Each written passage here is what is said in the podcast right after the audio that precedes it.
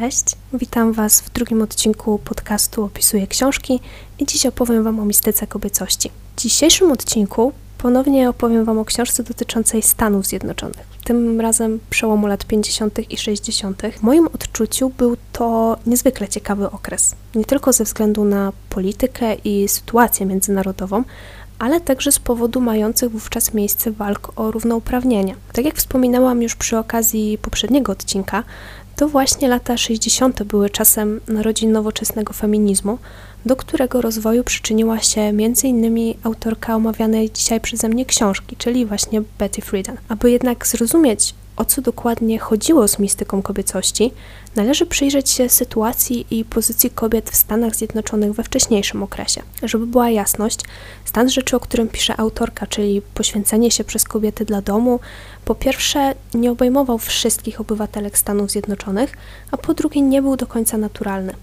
Walka o równouprawnienie kobiet rozpoczęła się na terenie Stanów Zjednoczonych jeszcze w XIX wieku, kiedy sufrażystki domagały się uzyskania praw wyborczych oraz możliwości edukacji wyższej. To właśnie w tym okresie powstawały pierwsze uczelnie dla kobiet, po raz pierwszy udzielono im praw wyborczych, jednak ze względu na ustrój Stanów Zjednoczonych odbywało się to regionalnie. W całym kraju ustanowiono te prawa wyborcze dopiero w roku 1920, czyli rok później niż w Polsce. Tutaj należy dodać również, że nie wszystkie kobiety, i dotyczy to różnych regionów świata, e, pochwalały emancypację. Powody takiej mm, postawy były różne. Mm, do najczęstszych czynników, moim zdaniem, można wymienić albo konserwatywne wychowanie, albo przekonania religijne. Nie da się stwierdzić jakby jednoznacznie, z czym było to związane. Przełomowymi okresami w zmianie sytuacji kobiet był wybuch zarówno I, jak i II wojny światowej. W zależności od kraju i z uwzględnieniem oczywiście tego, o której wojnie mówimy, kształtowało się to inaczej. Jednak ogólnie mówiąc, praca kobiet podczas wojny stała się czymś naturalnym, bo albo służyły one na froncie, na przykład jako sanitariuszki albo pomocnice, mm, na przykład w sztabie, albo w fabrykach, albo wreszcie y, zastępowały w miejscach pracy mężczyzn, którzy byli wysłani na front. Kobiety pozostawione same sobie, mając często na utrzymaniu rodzinę, musiały zarabiać. Gdy jednak konflikt się skończył, mężczyźni powrócili do domu, na nowo potrzebowali zatrudnienia. Z tego powodu kobiety albo odchodziły z pracy, albo pracowały na gorzej opłacalnych i mniej prestiżowych stanowiskach, najczęściej bez wizji awansu. Mistyka kobiecości opublikowana została w roku 1963 i wywołała ogromne poruszenie wśród amerykańskich kobiet. Dodać należy, że autorka sama była jedną z żon zamieszkujących przedmieścia, która porzuciła swoje plany naukowe na rzecz rodziny. Dlatego też mistyka kobiecości skupiona jest głównie na tej konkretnej grupie kobiet. W zawartym w książce wstępie autorstwa doktor habilitowanej Agnieszki Graf możemy spotkać się z takim małym zarzutem, że Friedan nie omówiła kwestii na przykład sytuacji kobiet czarnoskórych. Osobiście jestem w stanie to zrozumieć. Nie była ona w końcu kobietą z mniejszości. Trudno byłoby więc się jej wypowiadać o problemie tej grupy. Mm, kolejny zarzut, choć nie wskazywany wyłącznie przez autorkę wstępu, to to, że Friedan nie poruszyła w swojej pracy kwestii homoseksualizmu. I tu podobnie jak w przypadku Afroamerykanek jestem w stanie to zrozumieć. Skoro była kobietą heteroseksualną, raczej trudno byłoby jej się czuć w sytuacji kobiet homoseksualnych. Jeśli chodzi o treść książki, jest ona niezwykle interesująca, choć jednocześnie bywa zatrważająca. Ponownie odwołać muszę się do słów autorki wstępu, która zauważyła, iż Friedan opisała świat, którego już nie ma. Mistyka kobiecości skupia się na przedstawieniu pozycji kobiet w Stanach Zjednoczonych w latach 50. i na początku 60. Stanowi bardzo ciekawy opis ówczesnych realiów, choć, co ponownie trzeba podkreślić, tylko jednej grupy. Książkę można podzielić na kilka części. W pierwszych rozdziałach możemy przeczytać o sytuacji i wyzwaniach, jakie stały przed obywatelkami Stanów Zjednoczonych, głównie dotyczących zamążpójścia, macierzyństwa, ale także tak zwanego nienazwanego problemu, jakim było nie dające się nazwać poczucie pustki, które towarzyszyło kobietom mimo teoretycznego spełnienia na płaszczyźnie domowej. Dowiedzieć się z niej można także wiele na temat obrazu kobiety w mediach. Fragmenty dotyczące analizy czasopism kobiecych były dla mnie niezwykle interesujące, choć treści w nich zawarte mogą wydawać się trudne do zrozumienia, a może nawet z dzisiejszej perspektywy trochę dziwne. Oczywiście obecnie mam wrażenie, że gazety kobiece również zawierają wiele wątpliwych treści, przynajmniej ja takie zapamiętałam z czasów dzieciństwa albo z czasów nastoletnich, kiedy zdarzało mi się takowe przyglądać w domu albo chociażby w poczekalni u lekarza. Największe wrażenie zrobiła na mnie chyba analiza opowiadań zawartych w tych czasopismach. Najbardziej utkwiło mi w głowie opowiadanie, choć nie pamiętam teraz dokładnie e, w jakiej gazecie się ono ukazało i jaki miało tytuł, e, przedstawiające losy młodej mężatki, której mąż wydzielał pieniądze, jednak e, to otrzymywane od męża kieszonkowe nie wystarczało na zaspokojenie wszystkich potrzeb kobiety. Mężczyzna nie ufał swojej żonie na tyle, by udostępnić jej swoją książeczkę czekową, Dlatego też młoda gospodyni wpadła na pomysł założenia małego biznesu. Przygotowywała kanapki, które następnie sprzedawała w miejscu pracy swojego męża. Uzyskała dużą popularność oraz grono oddanych klientów, których było coraz więcej i pewnego dnia podczas przygotowywania w domu posiłków zasłabła. O ile dobrze pamiętam, była wówczas w ciąży i gdy się ocknęła, mąż, zmartwiony całą sytuacją, zadecydował, wręcz stwierdził, że kobieta musi zrezygnować z pracy, że swoim zachowaniem udowodniła, że jest na tyle odpowiedzialna, że może gospodarować sama pieniędzmi. No a owa bohaterka opowiadania z ulgą miała zareagować na słowa męża, wręcz nawet dziękując mu, że, że pozwolił jej nie pracować. No i takich przykładów e, w cudzysłowie moralizatorskich opowiadań jest podanych w książce znacznie więcej. Więc jeżeli interesuje Was temat tego, jak e, na przykład przedstawiany był obraz kobiety w prasie, no to myślę, że możecie się tam czegoś e, ciekawego dowiedzieć.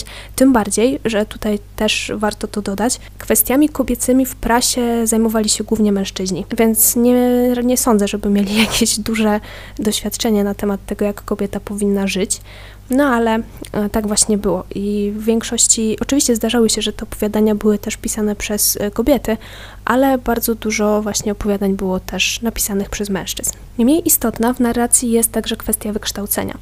Niektórzy dopatrywali się w edukacji kobiet i ich późniejszych problemów z odnalezieniem swojego miejsca. Friedan, opierając się nie tylko na wywiadach, które przeprowadziła ze studentkami, ale także na badaniach i opiniach ekspertów, wskazała, jak różne było podejście kobiet do kwestii nauki i edukacji w porównaniu do lat wcześniejszych. Wiele kobiet decydowało się na studia wyłącznie dlatego, że na kampusie można było znaleźć męża, lub dlatego, że przekonywano je w domu, że wykształcona kobieta szybciej znajdzie partnera. Wiele studentek, ale także uczennic dobrowolnie porzucały edukację, by później przejąć obowiązki gospodyni domowej. Autorka nie odwołała się jednak wyłącznie do ówczesnej sytuacji kobiet. W toku narracji została także poruszona kwestia chociażby sufrażystek i ruchu kobiecego w Stanach Zjednoczonych na przełomie XIX i XX wieku. Wydaje mi się, że przytoczenie tych wątków miało na celu pokazanie kobietom, że stan, w którym się znalazły, czyli to zamknięcie w domach, ograniczenie swojej aktywności do prania, sprzątania, opieki nad dziećmi, nie był do końca naturalny. Friedan pokusiła się także o polemikę e, między innymi z myślą Freuda. Ta część ma już nieco bardziej filozoficzny charakter, jednak mimo tego napisana jest bardzo przystępnie. O charakterystyce języka również możecie przeczytać e, we wstępie. Celem autorki było napisanie książki treściwej,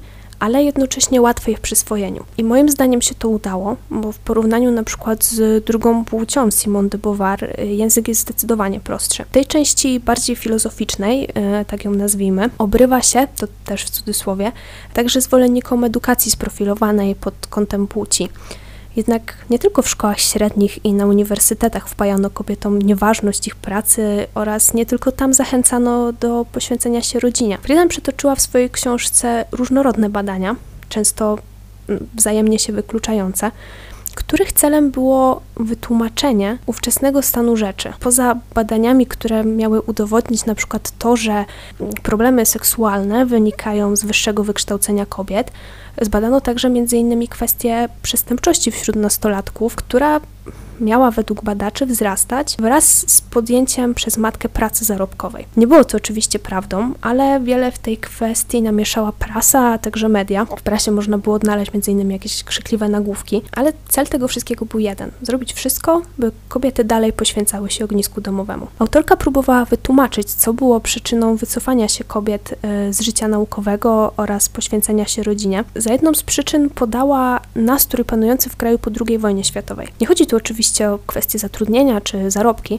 ale o niepokój i chęć zaspokojenia pustki, która wielu osobom towarzyszyła w trakcie konfliktu. Z perspektywy lat sama zauważyła, że takie podejście nie było do końca słuszne i że przyniosło ostatecznie więcej szkody niż pożytku. W tym kontekście Friedan poświęciła także nieco miejsca na rozważanie nad sytuacją dzieci wychowywanych przez matki zajmujące się wyłącznie domem. I ta część ma dla mnie najbardziej uniwersalny charakter, Pokazuje bowiem, do czego może doprowadzić e, nadmierna opieka rodziców oraz przelewanie na nich e, swoich niespełnionych aspiracji i ambicji. Friedan pokusiła się także o przedstawienie sytuacji mężczyzn, jak mężczyźni czują się w sytuacji dominacji kobiet w domu.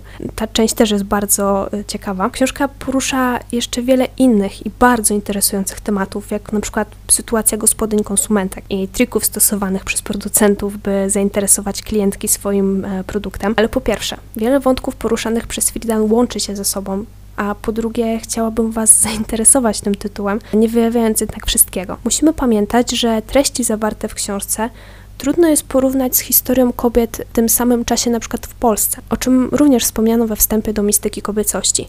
W czasach PRL-u pojęcie feminizmu praktycznie nie funkcjonowało, i wydaje mi się, że aby lepiej zrozumieć różnicę między mm, chociażby Stanami a Polską w latach 60., należy przyjrzeć się historii naszego zachodniego sąsiada, czyli Niemiec. Po zakończeniu II wojny światowej, dokładnie w 1949 roku, doszło do podziału Niemiec na RFN i NRD. E, Republika Federalna Niemiec była krajem demokratycznym, Niemiecka Republika Demokratyczna była natomiast krajem socjalistycznym. W RFN pozycja kobiet kształtowała się Podobnie jak w przypadku Stanów, czyli zdecydowana większość kobiet rodziła kilkoro dzieci, porzucając pracę, utrzymaniem rodziny zajmował się mąż. Instytucji przedszkola praktycznie nie było i Podobnie było właśnie w Stanach, o czym też e, Friedan w swojej książce pisze. A jeśli małżeństwo zdecydowało się na rozwód, kobieta pozostawała najczęściej z niczym. W NRD dla odmiany praca kobiet była bardzo powszechna, lecz najczęściej wbrew temu, co głosiły materiały propagandowe, kobiety nie zajmowały dobrze płatnych stanowisk. Przy fabrykach, w których pracowała duża liczba kobiet, funkcjonowały żłobki, forsowano także model matki pracującej, która po porodzie wracała do pracy tak szybko, jak było to tylko możliwe. Oczywiście o wspomnianej kwestii można opowiadać znacznie dłużej. Nie Niemcy są tutaj ważne, natomiast chciałam Wam tak to przekazać w ramach ciekawostki. Czytając mistykę kobiecości, starałam się na nią spojrzeć oczami kobiety żyjącej w latach 60. Oczywiście wiem, że nie jest to do końca możliwe, ale starałam się sobie wyobrazić, jak odebrałaby ją gospodyni i opiekunka domowa, która być może sięgała po nią w tej jednej wolnej chwili w ciągu dnia między przygotowaniem obiadu a odbieraniem dzieci ze szkoły. Zastanawiałam się, jak wpłynęła ona na postrzeganie przez nią rzeczywistości, czy na przykład znalazła w tej książce siebie. Wydaje mi się, że wiele kobiet mogło uświadomić sobie swoje położenie i chciało coś zmienić. Co więcej, autorka w epilogu wskazała, że po premierze książki wielu mężczyzn kupowało mistykę kobiecości swoim żonom, więc no, jakiś oddźwięk w społeczeństwie ta publikacja miała. Nad poprawą sytuacji kobiet działano wprawdzie jeszcze przed rokiem 1963, ale dopiero poruszenie wywołane książką Friedan, o którym więcej możecie przeczytać w epilogu do, do mistyki kobiecości, doprowadziło do masowych demonstracji. Już w roku 1961, czyli niedługo po objęciu prezydentury przez Johna Kennedy'ego, powołana została komisja mająca na celu zbadanie sytuacji kobiet. Komisja ta zarekomendowała m.in. dostęp do edukacji, a także pomoc finansową dla obywatelek USA. Niestety, władze rządowe i federalne opierały się przed wprowadzeniem zmian. Z tego powodu aktywistki założonej w 1966, czyli trzy lata po ukazaniu się mistyki kobiecości Narodowej Organizacji Kobiet, podjęły bardziej radykalne kroki na rzecz równouprawnienia. Ich postulaty były zróżnicowane, bo część działaczek domagała się zmniejszenia nadużywania prawa przez męską część populacji. Popularne były także hasła dotyczące np. zakazu propagowania pornografii. Protesty kobiet ostatecznie przyniosły skutek. Już na początku lat 70. zniesiono m.in. zakaz aborcji. Kobiety miały także większe możliwości rozwoju kariery, np. w naukach prawnych i wzrósł również odsetek zatrudnionych kobiet. Zdaję sobie sprawę, że mistyka kobiecości może nie być tytułem dla każdego. Mm, dla niektórych z Was może być on zbyt filozoficzny, dla innych może zbyt nieaktualny, Uważam jednak, że z y, takiego historycznego punktu widzenia jest to książka ważna i warto się z nią zapoznać. Może bowiem stanowić przyczynek do dyskusji nad sytuacją kobiet kiedyś i, i dziś, a także pokazać być może nieco zapomniany świat, no chociaż tutaj też czy on jest tak do końca zapomniany, to jest kwestią dyskusyjną. W ramach podsumowania dodam, że przytoczone przeze mnie fakty na temat sytuacji kobiet to głównie ogólniki. Musimy bowiem pamiętać, że społeczeństwo składa się z różnych grup, a historia każdej z nich kształtowała się i kształtuje nadal w inny sposób. Mm, I tak osoby pochodzące z dobrych domów borykały się i nadal borykają z problemami innymi niż te z nizin społecznych. Podobnie było z sytuacją kobiet. Kobiety pochodzące z bardziej liberalnych domów mogły na przykład się uczyć i miały większe szanse rozwoju niż na przykład te pochodzące z rodzin konserwatywnych. Kobiety pochodzące mm, na przykład z rodzin inteligenckich miały inne problemy niż kobiety pochodzące z rodzin robotniczych. Sytuacja każdej tej grupy była inna. Musimy mieć to na względzie czytając takie publikacje jak właśnie chociażby Mistyka Kobiecości, która skupiona jest na jednej grupie społecznej. Mam nadzieję, że e, odcinek Wam się podobał, że być może dowiedzieliście się czegoś nowego. Oczywiście tak jak poprzednim razem, zapraszam do dyskusji. W opisie mm, będą wszystkie linki. Możemy podyskutować na temat zarówno mistyki kobiecości, jak i ewentualnego odbioru tej książki e, na Instagramie, na grupie na Facebooku. Tymczasem bardzo dziękuję e, za wysłuchanie tego odcinka i do usłyszenia. Za możliwość przeczytania książki dziękuję wydawnictwu Czarna Owca.